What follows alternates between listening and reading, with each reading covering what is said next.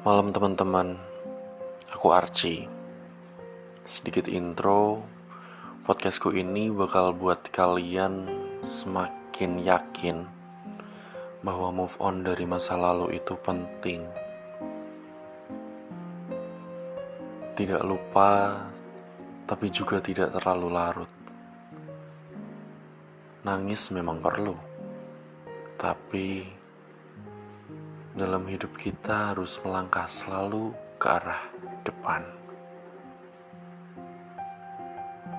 Penyesalan, kecewa, merasa terhianati, atau merasa sendiri, kalian tetap harus maju ke depan dan buktikan bahwa kalian bisa. Welcome to my podcast. Thank you.